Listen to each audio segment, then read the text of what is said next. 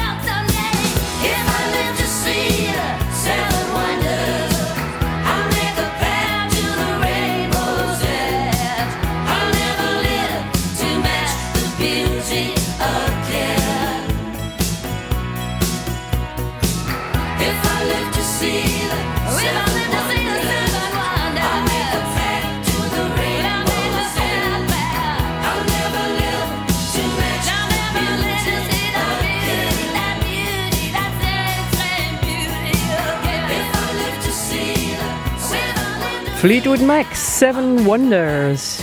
Chris natuurlijk. Lekker groen. De herenboeren van de Vlinderstrik, de eerste herenboerderij in Rotterdam, zoekt nieuwe leden. Aan de noordrand van de stad produceren de leden van de coöperatie sinds 2020 hun eigen groenten, eieren en vlees. Boer Albert Boersen en bestuurslid Simone Rodeberg, die geven Chris natuurlijk een rondleiding. Nou, we zijn hier op eh, Herenboerderij de Vlinderstrik. Eh, die zit lekker tussen de metro, de A16, de hoge snelheidslijn en eh, de busbaan in. Tegen Landstingerland aan. Ze noemen het hier de Schievenspolder. Ja, dat is een uniek stukje geworden bij Rotterdam. Jullie huren het van natuurmonumenten, maar je zou toch niet denken dat dit natuur is?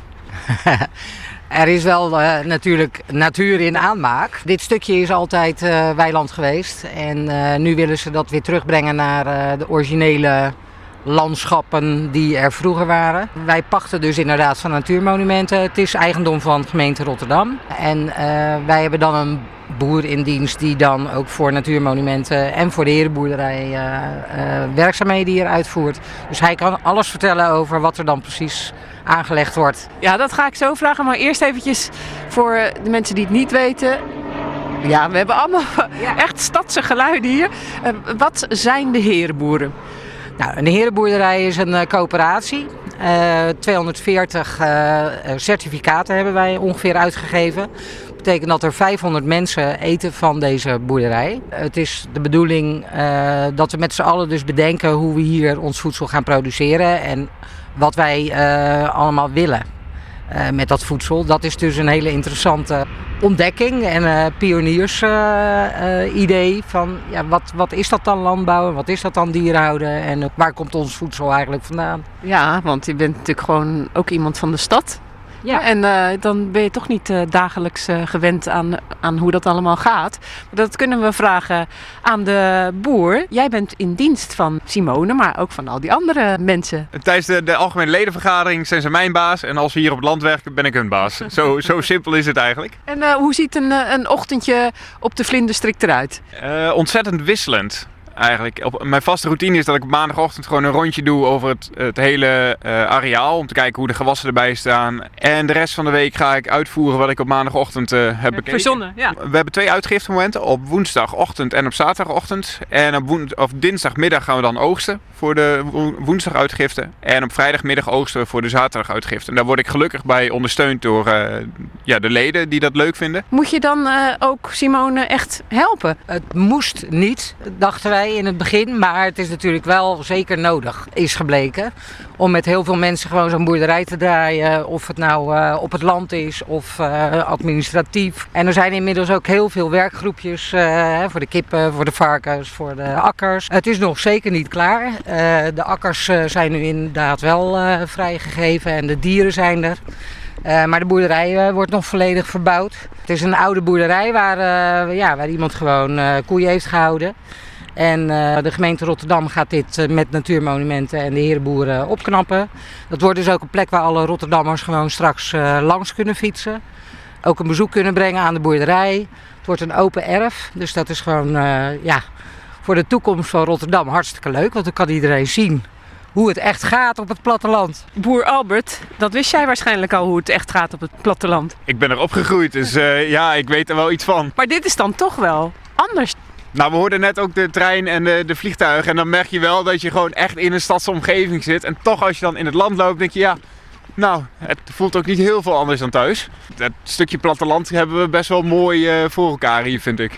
Koutjes hier, denk ik. En daar eh, staan één. eh, Ja, er zitten nog zwanen. ehm lepelaars zien we af en toe hier overvliegen.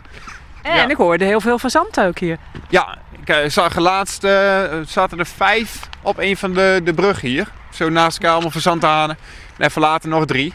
Dus eh, ja, dat is wel leuk om die altijd weer, weer even te zien. Hey, en nou, goed dat we onze kaplaarzen aan hebben, want het is hier weer lekker modderig. Ja, we zitten op klei en klei en regen is, is een interessante combinatie. Dus dan zijn laarzen noodzakelijk. En wat staat daar eh, om de hoek te kijken? Dat zijn de varkens die nu eh, ons gaan horen en denken, hé, hey, komt er eten aan. We gaan er even naartoe lopen, Ja.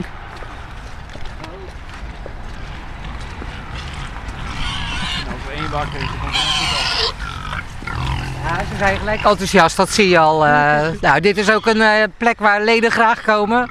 Die dieren zien er natuurlijk heel vrolijk uit. Ze rennen lekker door een eh, heel groot veld. Ze mogen lekker door de modder heen eh, rommelen hier. Ze hebben hun staart nog.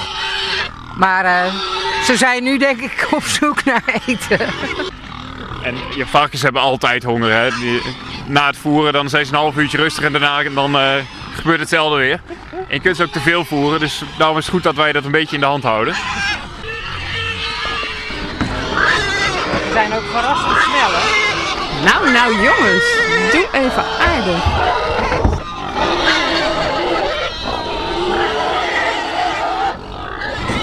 Zo, de rust is een beetje weergekeerd. De varkentjes die hebben eten. Hoe boeren jullie hier? We noemen het natuurgedreven. En het komt er eigenlijk op neer dat we zoveel mogelijk met de natuur meeboeren.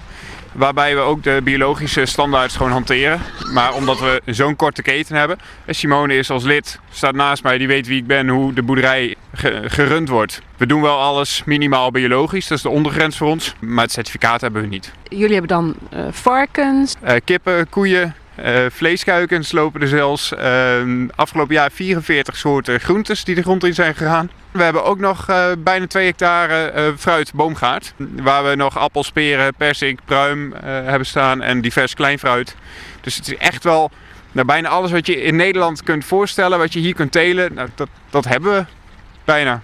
Bijna. Eh, je zit op kleigrond. Uh, asperges wordt hier heel lastig. Dat moet je op zandgrond doen. We, we gaan met het seizoen mee eten. Hè? Dat vinden mensen heel erg leuk in, eh, in augustus, september. In, eh, in januari wordt dat wat minder. En dan gaan we rode kool, witte kool, eh, winterpeen, prei, boerkool. Ehm, ja, en dan hebben we het haast wel een beetje. Ja. Ja. En eh, eet je dan ook niks anders? Ga je nooit naar de supermarkt? Nou, ik moet zeggen, de laatste tijd niet meer, nee. Dus eh, ik stond pas bij het groentevak. Ik denk, nou, ik heb hier eigenlijk niet zoveel meer nodig. Ja, maar dat Dus was, dat eh, dat was het lekkere oogstseizoen. Maar ja, straks. Ja, straks zullen we het moeten doen met wat we krijgen. En eh, ik ben benieuwd of we dan inderdaad elke week hè, kool eten. En ja, dan is het gewoon heel veel misschien kool, aardappels, vlees. Maar ja, daar kan je hele leuke dingen ook weer mee maken. En je ziet dat leden ook gewoon eh, heel creatief worden met eh, bewaren en eh, aanpassen van, eh, van het menu. En ook met elkaar ideeën uitwisselen hoe je dan eh, langer lekkere dingen kan eten. Bietjes eh, eh, invriezen of andijvie. Of, Het is eigenlijk weer een beetje terug naar vroeger. In sommige gevallen wel, ja. Er is geen verplichting of zo dat je geen andere dingen meer mag eten. Dat, die supermarkt blijft echt nog wel bestaan. Maar in die zin ga je een beetje terug naar vroeger. Jullie zoeken nog nieuwe mensen. Ja, de bedoeling is dat er meer boerderijen komen. Maar nu heeft de Vlinderstrik ook eh, nieuwe leden weer eh, graag op de wachtlijst. Waarom zou je ze op de wachtlijst dan willen? Nou, omdat het eh, verloop ook best groter is dan we dachten in het begin. Ik heb nog niet veel mensen gehoord die het echt helemaal niet meer zagen zitten. Maar het is vaak verhuizing, scheiding, waardoor leden afhaken, zeg Ja. maar. Hoe duur is het om mee te doen? Als eenling leg je 1000 euro in. Dat is een aandeel eh, in de boerderij. Dat krijg je ook terug als je weer eh, weggaat. Als er voldoende mensen zijn op de wachtlijst. En daarnaast betaal je voor een vleespakket. Volledig pakket noemen we dat. eh 12 euro in de week. En voor eh, vegetarisch eh, rond de 8. Kijk, Gaan de fazanten? prijzen. Fazantenhennen Ja? zijn het. Patrijzen, dat zou echt heel bijzonder zijn, denk ik. Die hebben we hier wel gezien. Ja, Ja? ja, ze zitten er. En daar hebben we ook echt wel moeite voor gedaan om, eh, om hier een mengseltje aan te leggen dat ze zich thuis gaan voelen. En het is wel heel gaaf om te zien dat ze ook daadwerkelijk komen. Maar die ga je niet zo eh, zo zien. Die, die zijn best wel schuw.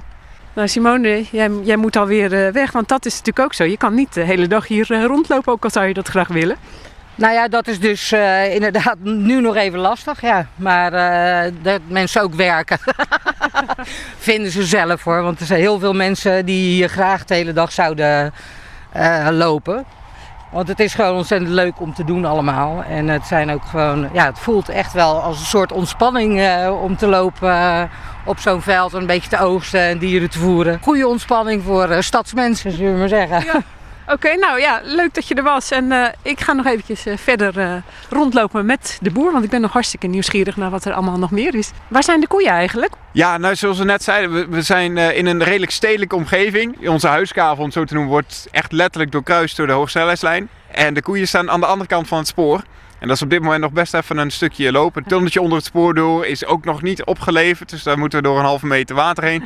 Dus, ja, daar gaan we dus daar hoef je ook helemaal niet naartoe dan eigenlijk. Die kunnen gewoon lekker blijven rondlopen daar. Ik ben er wel, maar ik rijd dan met de trekker even die kant op. Krijgen ze ook melk of niet eh, voor, eh, voor de mensen hier? Met deze schaal is melk produceren en zuivel maken is eigenlijk te bewerkelijk. Het zit als ja, melkveehouderszoon wel heel erg in mijn eh, boer zijn.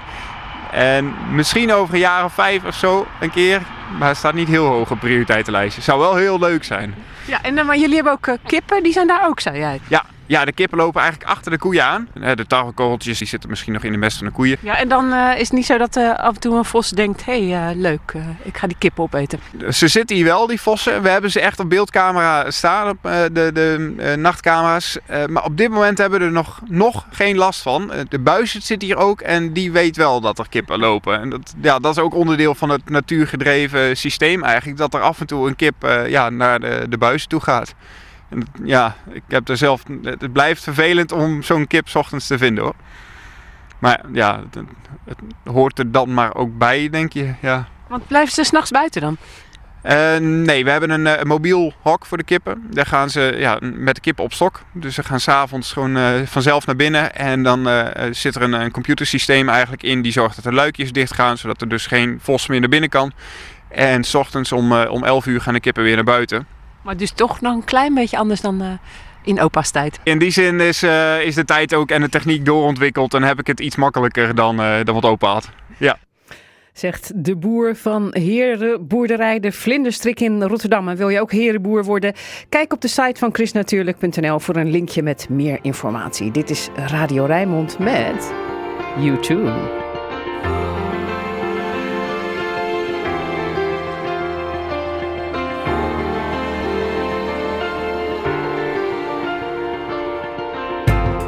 Was a Monday morning, about a quarter past four. You were busy dreaming, so why did you wake up for?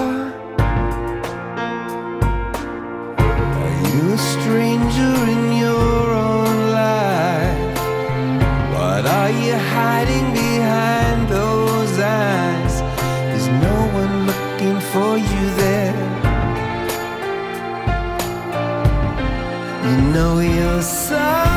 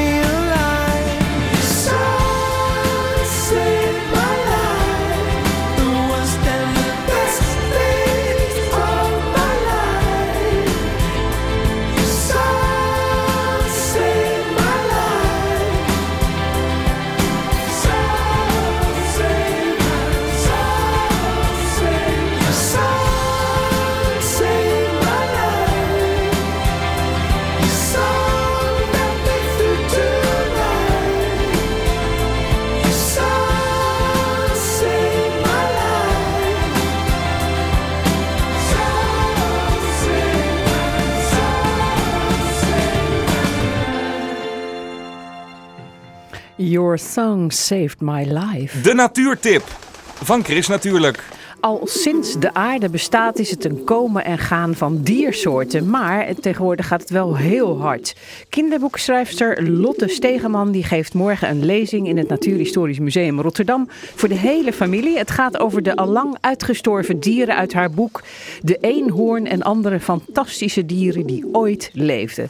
Maar eh, die eenhoorn, die heeft toch niet echt bestaan? Dat bestaat niet, zou je denken, maar er bestaat wel degelijk een eenhoorn. Het is alleen een iets minder magisch dier dan je wellicht zou denken. Want het is eigenlijk, nou ja, het was een, het was een heel groot, log beest met een soort enorme bochel op zijn rug. En hij was eigenlijk kaal en hij had een beetje de kleur van een verwassen trui, een beetje vaal grijzig. Waarschijnlijk of bruinig of zo, dat weten ze eigenlijk niet eens echt goed. En hij was heel, heel dik en groot. Maar wat hij wel had, was een, eh, een eenhoorn. Dat was eigenlijk het enige wat een beetje overeind blijft. En dat was een gigantisch ding, waarschijnlijk wel een meter of twee. Dus hij bestond zeker, alleen wij hebben er iets van gemaakt wat het niet helemaal was. Maar ja, daar kon hij niks aan doen. In jouw boek heb je een soort papieren eh, natuurhistorisch museum gemaakt. En dan heb je allerlei zalen. In welke zaal stond dit beest, deze eenhoorn? Die stond bij de supersterren, de salon van de supersterren. Want dat, eh, ja, dat is die nog steeds, hoe die er ook uitziet. Wij zijn nu in het echte Natuurhistorisch Museum Rotterdam. En boven onze hoofden is ook eigenlijk een eenhoorn, eh, André de Baardemaker. Want eh, ja, dat is dan een moderne eenhoorn. Ja, eigenlijk is dit een tweehoorn. Hè? Als je goed kijkt, zie je dat hij achter de grote hoorn nog een kleintje heeft. Eh, dit is eh, eh, een replica van een, een witte neushoorn, of een breedlip neushoorn. Een soort die in Afrika nog leeft. Een van de twee Afrikaanse neushoornsoorten. En eh, ja, dit is eentje die dus nu nog wel bestaat. En deze staat heel toevallig ook in het boek. Klopt, ehm, je loopt het museum door eigenlijk via allerlei kamers. En uiteindelijk kom je terecht in de parterre voor pechvogels. En dat is een kamer, je zou het een beetje de, de wachtkamer eh, kunnen noemen.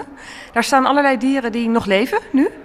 Eh, maar die met uitsterven bedreigd zijn. En die dus als wij niet uitkijken, want eigenlijk is onze diersoort een beetje eh, nou ja, verantwoordelijk voor hun lot. Als wij niet uitkijken, dan zou het kunnen dat ze daar echt terechtkomen. En de hoop is natuurlijk dat dat niet gaat gebeuren. Nou, de neushoorn is daar een, eh, enorm goed voorbeeld van. Want ik denk dat iedereen wel weet dat hij onder druk staat, omdat zijn hoorn nogal populair is. Dus neushoorns worden nog steeds bij bosjes gestroopt, helaas. In dit museum hangt een voorbeeld. En eh, dat illustreert heel mooi wat er dus gebeurt met zo'n hoorn en hoe populair die is. Ja, deze was behoorlijk populair. Ze- Zelfs zo populair dat ze eh, deze neushoornkop eh, een aantal jaren geleden van de muur geslagen hebben om de, de echte neushoornhoorns die hier dus op zaten eraf te zagen en mee te nemen. Volgens- Jelle, jij was toen nog directeur geloof ik van dit museum, klopt dat? Ja, dat was een van de dieptepunten inderdaad uit mijn, eh, uit mijn werk hier bij het museum. Dus het was een, eh, een buitengewoon professionele kraak was dat. Dus in binnen twee minuten hadden ze dat gedaan. De voordeur ingeslagen, met een ladder naar binnen gerend, de trap op, de ladder hier tegen aangezet, die neushoorn eraf geslagen. Die was dus compleet naar beneden gevallen. De twee horens eh, eraf gehaald en weg. En dat binnen twee minuten. Dus eer dat de politie eh, ter plekke was, waren de vogels al lang gevlogen. Met, met die horens dus inderdaad. En nou ja, ik hoop maar dat er in China een paar mensen van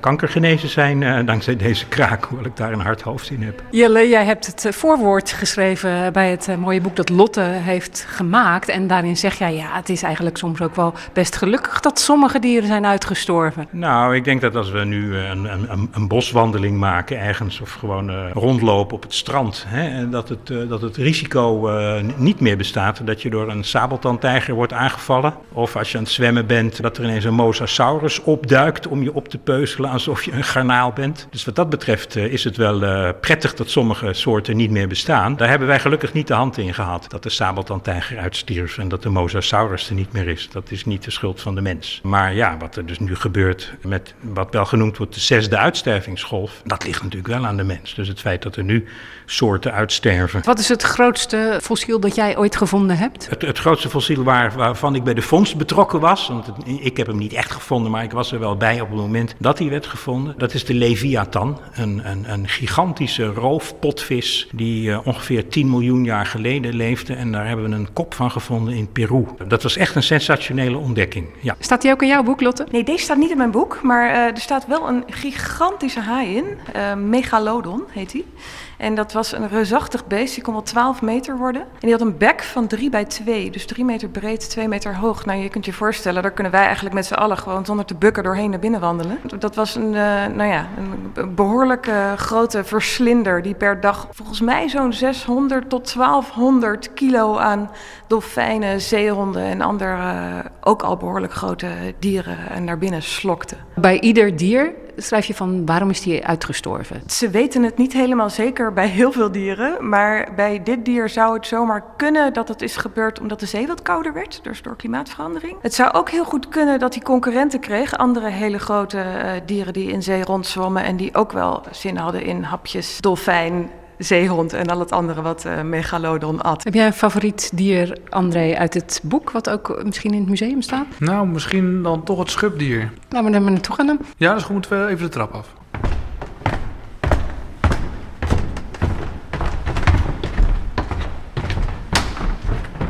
Daar is die, het schubdier. Ja, eigenlijk, André, dat is ook mijn eh, favoriet. En ook Lotte's eh, favoriet. Dat is ook bijzonder. Ja, maar hoe kun je dan niet van een schubdier houden? Dat is ook een, eh, een fantastisch dier om te zien. Het is een soort kruising tussen een, een, ja, een miereneter en eh, het heeft ook iets van een egel eigenlijk. Hè. Die heeft dan stekels, maar dit is dan echt eh, brede schalen. Een beetje een reptielachtig eh, beest. En als ook een groot gevaarlijk dier aankomt, dan, eh, dan rollen ze zich op. Met eh, harde schalen zijn ze moeilijk te kraken.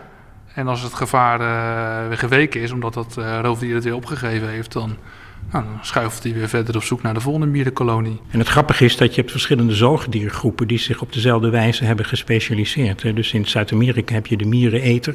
eh, en je hebt ook nog het, het, het, het aardvarken en dan heb je dit schubdier. Wat ik overigens wel een heel zielig dier vind. Het is een van de meest bedreigde diersoorten op dit moment, het schubdier. Om allerlei redenen. De Chinezen, die, of, of Aziaten moet ik zeggen, die, eh, die, die, die, die dus heel erg bijgelovig zijn. En die geloven dat die schubben, als je die fijn maalt, dat je er ook allerlei interessante dingen mee kunt doen. Hetzelfde als met die neushoornhoorn. Eh, dat het dus nou ja, eh, allerlei genezingen kan verschaffen of seksueel plezier kan opleveren, wat dan ook. Dus ze worden bij duizenden en duizenden worden ze gestroopt, die schubdieren. En je ziet wel eens af en toe berichtjes in de kranten. Dan worden dus echt balen van die schubben in zakken ter grootte van een kubieke meter. Eh, worden in beslag genomen door de douane. Nou, daar moeten dus duizenden, duizenden schubdieren moeten daarvoor gedood zijn. Ze hebben nu ook de schuld gekregen, onterecht overigens, van, eh, van dat coronavirus in China. Hè, want ze worden ook weer gegeten. Toen kregen schubdieren de schuld van, oh, die hebben het coronavirus eh, naar de markt gebracht en uiteindelijk op de mensen overgebracht. Nou, inmiddels is wetenschappelijk aangetoond dat dat ook niet zo is. En ik vind, het zijn zulke schattige beesten. Ze zien er zo gek uit met die, met die schubben. Ja, het is inderdaad een soort beetje reptiel, visachtig eh, geval, maar het is echt gewoon een zoogdier. En ik vind ze eigenlijk ja, aandoenlijk en tegelijkertijd zo zielig, want ze zijn zo bedreigd. En als ze niet uitkijken, dan zijn over 10, 20 jaar zijn alle schubdieren uitgestorven. Ze staan in Lotte's boek eh, als de pechvogels. Ja, het, het, schubdier is mijn absolute favoriet. Je hoeft er maar naar te kijken om verliefd te worden. Het is zo'n, het is een sprookje om te zien. Ik, ik, ik omschrijf het als een kruising tussen een dennenappel en een artichok. Maar dan met een, met een heel lief hoofdje. En, en, het loopt mooi. En het, eh, eh, wat, wat nou het, het, het vervelende is ook, is het is inderdaad een heel lief en onschuldig dier. Het is heel schuw, heel verlegen. Het is heel moeilijk om ze te vinden. Ze verstoppen zich het liefst, ze vallen niemand lastig. Maar de mens weet ze wel te vinden. Hij staat bovenaan mijn lijst van eh, dieren die meer aandacht moeten krijgen om te zorgen dat er genoeg overblijven. Maar het is wel een massamoordenaar natuurlijk. Hè? Ik bedoel, een tijger pakt één hertje per week, maar deze uh, jaagt er elke, elke nacht uh, honderden, zo niet duizenden mieren of termieten doorheen. Dus zo onschuldig is hij nou ook weer niet. Zegt Stadsecoloog André de Baardemaker. Je hoorde ook oud-directeur van het Natuurhistorisch Museum Jelle Reumer. En tot slot Lotte Stegeman, schrijfster van het boek De Eenhoorn en andere fantastische dieren die ooit leefden. Morgen geeft de schrijfster een lezing in het museum over uitgestorven dieren. En dit is ook het laatste weekend om de tentoonstelling te gaan bekijken met tekeningen uit het boek. Dus uh, ik zou zeggen, ga er naartoe. Met mondkapje op natuurlijk. Chris Natuurlijk.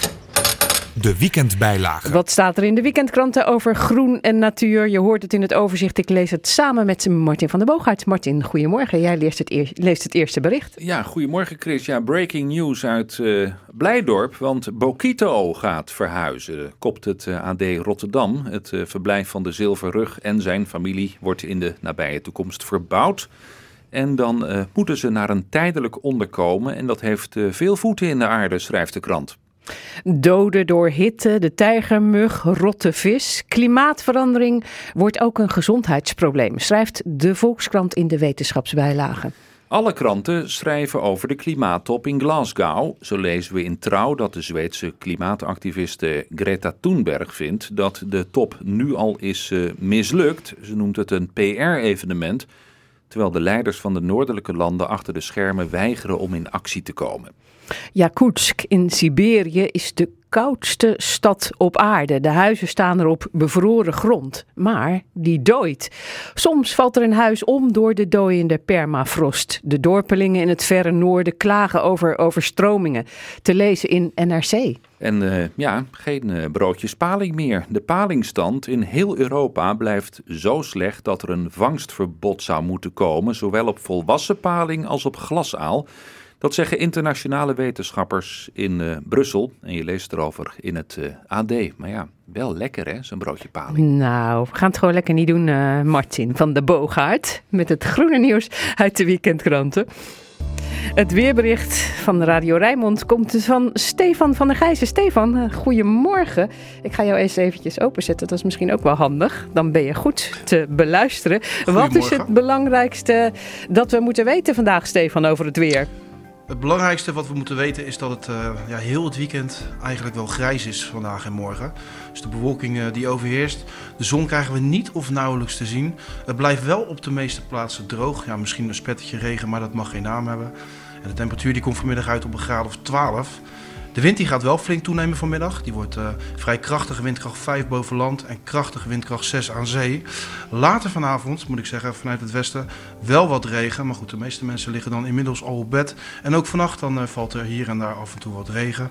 De temperatuur, ja, het koelt nauwelijks af voor een graad of 11. En de wind die blijft stevig doorstaan. Nou, morgen is er eh, ook veel bewolking. In de middag kan ook af en toe de zon doorbreken. Eh, er kan een enkele bui vallen, mag geen naam hebben. En ook morgen wordt het een graad of 12. En ook morgen staat er een stevige wind uit een westelijke richting. Ja, en als we na het weekend gaan kijken, ja, dan heeft de bewolking vaak de overhand. Regen valt er niet of nauwelijks. En de temperaturen die liggen in de middag rond de 12 graden. De wind die doet het wel rustig aan. Die neemt af naar zwak tot matig. Nou, voor ons gewone mensen is dat best wel prima, dit weer. Voor weermensen lijkt het me heel saai. Ja, dit is best wel saai, ja. Ja, nou Dus, ja. weinig- Ga dan maar andere leuke dingen doen, eh, Stefan, dit weekend. Ja, dat gaan we zeker doen en jij ook. Fijn weekend, hoi. Jij ook, hoi. Luisteren allemaal naar Chris. Kom daar toch. Chris, natuurlijk.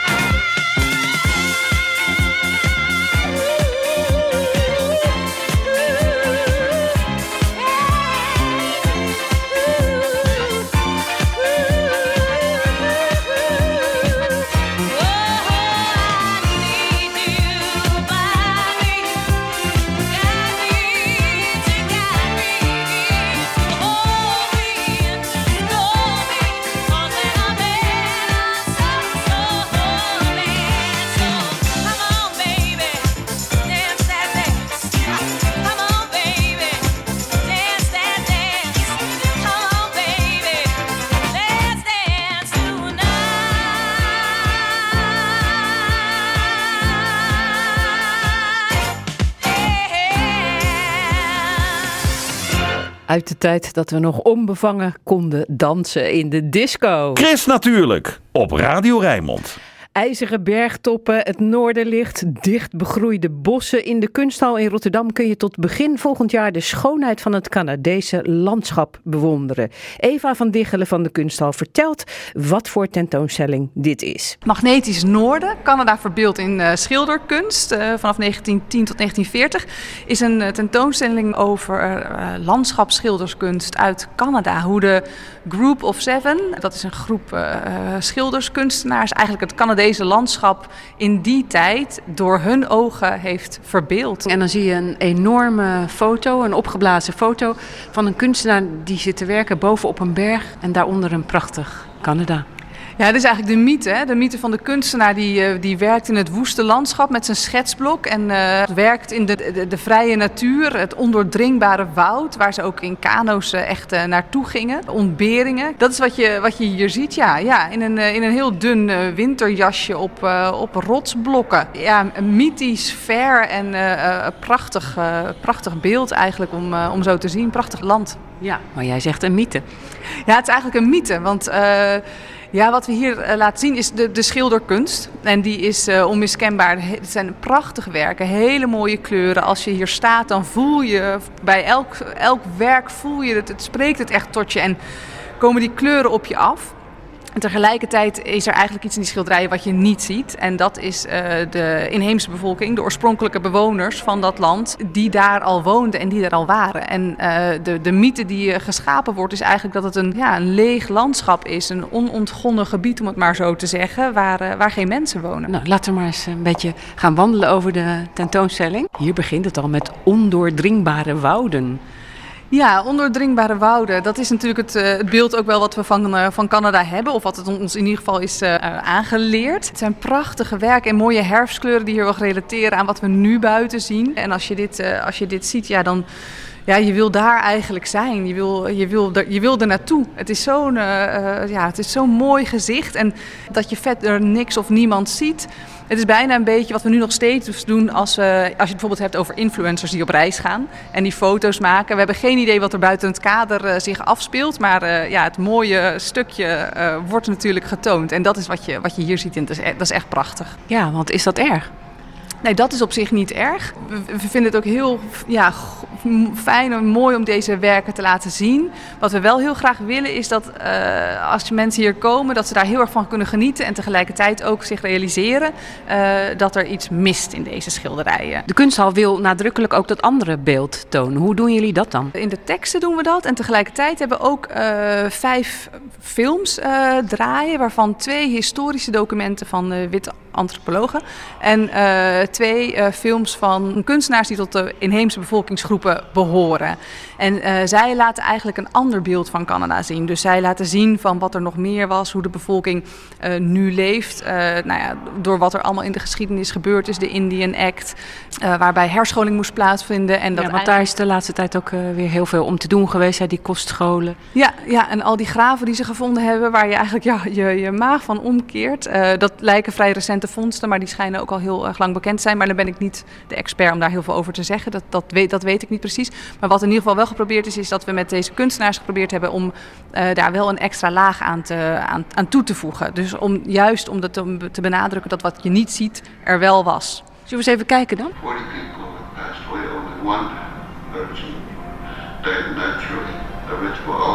Dit is een film van uh, Lisa Jackson, How a People Live. Uh, en zij uh, volgt eigenlijk een, een, groep van oorspronkelijke bewoners die weggejaagd is van hun land waar ze ooit woonden. En uh, zij volgt die mensen die gaan terug naar die plek waar ze eigenlijk vandaan komen. En voor sommigen is dat pas voor het eerst. En uh, zij volgt een heel aantal mensen daarbij. En die vertellen eigenlijk over hun leven, hoe dat is gegaan vanaf het moment dat ze daar weggejaagd zijn. Uh, een aantal mensen daarvan die zijn ook in leven nog. Die kunnen daarover vertellen hoe dat gebeurd is en alle problemen die ze zijn tegengekomen. En zij volgt die mensen terug naar het landschap waar ze vandaan komen. Waar ze hun gebruiken, gewoontes, rituelen, hun leven hadden. nou, dat wordt in deze film heel, heel mooi duidelijk hoe dat hoe dat gegaan is.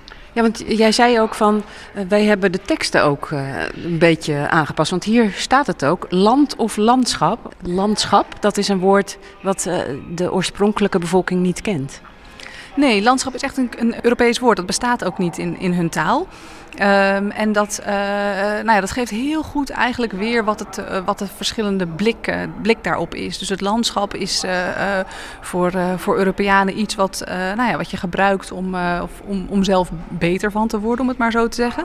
Eh, m- eh, op het moment dat, dat, eh, dat Europeanen naar Canada gingen, eh, zijn ze begonnen met de industrialisatie van het, eh, van het land. De bomenkap, de mijnbouw. Eh, dus het land werd gebruikt om eh, rijker van te worden zelf. Terwijl eh, het idee is van de oorspronkelijke bewoners dat je met het land samenleeft. Dus het land geeft, maar je geeft ook aan het land. En eh, je buit het niet uit, want het is, het is daar ook om, om voor jou te zorgen. Om te zorgen dat je daar kan zijn. Dat klinkt heel mooi. Ja, dat klinkt heel mooi. Ik wou echt dat, dat eigenlijk dat de hele wereld zo, eh, zo keek. Volgens mij zouden we dan nu niet op het punt zijn waar we nu beland zijn. Maar mag je dan, als je dit allemaal weet, nog wel genieten van die mooie landschappen die hier te zien zijn? Ja, wat mij betreft wel.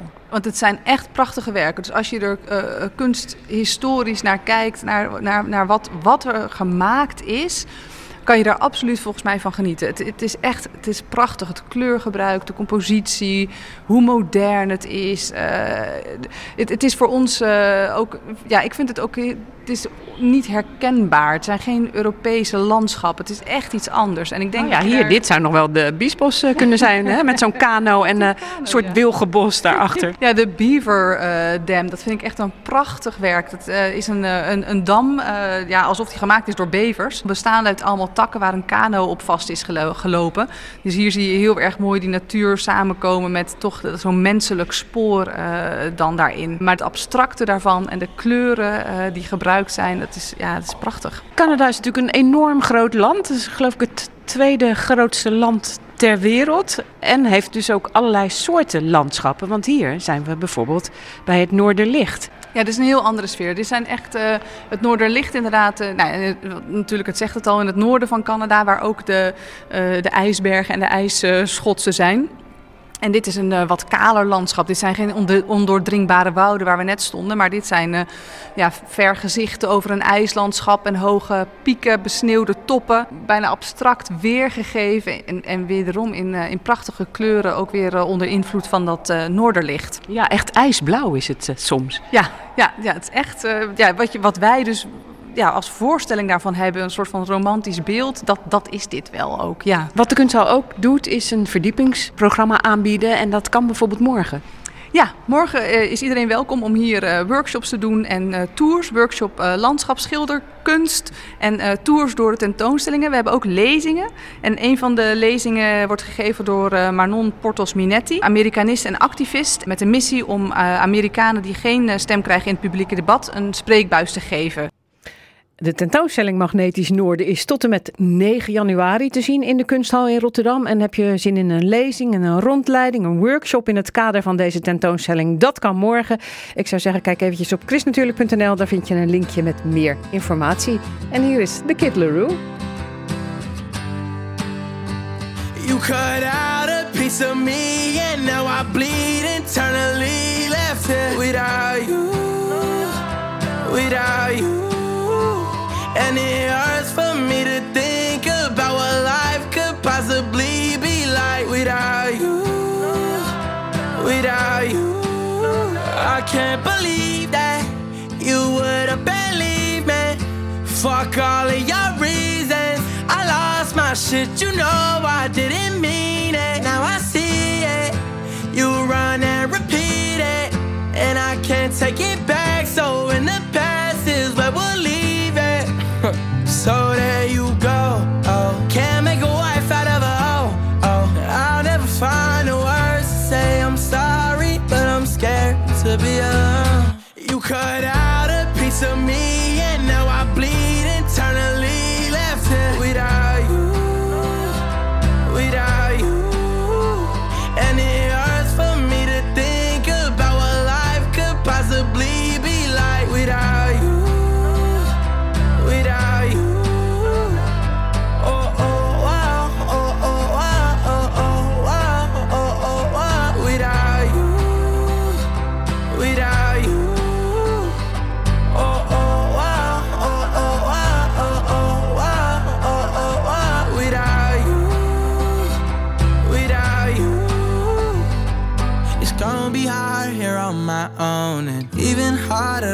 you go. I really wish that we could have got this right. So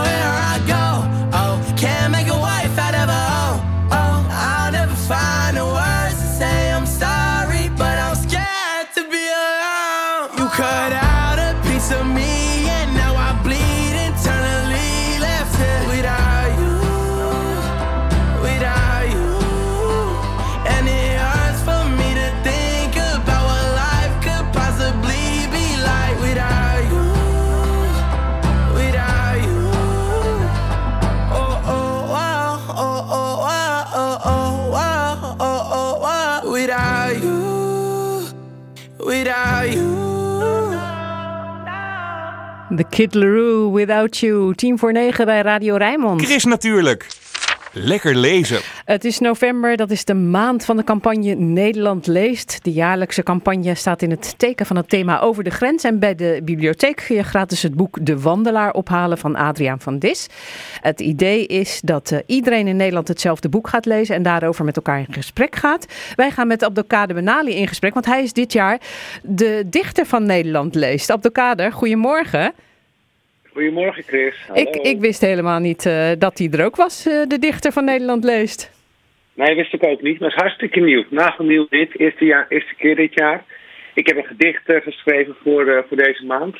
Dat, dat gedicht kan je bij de bibliotheek krijgen. Er zijn nog honderdduizend exemplaren van gedrukt. Dus dat is genoeg voor iedereen. En, en ik heb er ook vier gedichten bij gekozen van, van andere dichters. En die, dichten, die gedichten gaan allemaal over, ja, over, over het reizen, over eh, onderweg zijn, over, over grenzen gaan.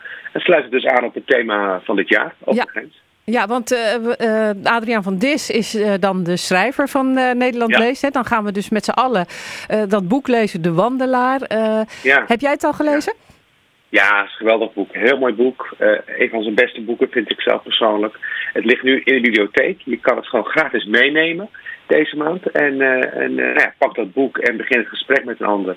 En het is een heel mooi boek wat gaat over een meneer, meneer Mulder. Die woont in Parijs en die maakt lange wandelingen en die ziet van alles. Echt typisch Adriaan van Dis. Hij zegt zelf dat, hij, eh, ja, dat meneer Mulder is eigenlijk zijn alter ego. En deze meneer Mulder vindt op een dag een hond. Of de hond vindt hem, want... er staat een huis in brand en nou, dat is allemaal verschrikkelijk natuurlijk. Maar meneer Mulder is wel opgelucht dat het niet zijn huis is. En uit het huis springt een, springt een hond.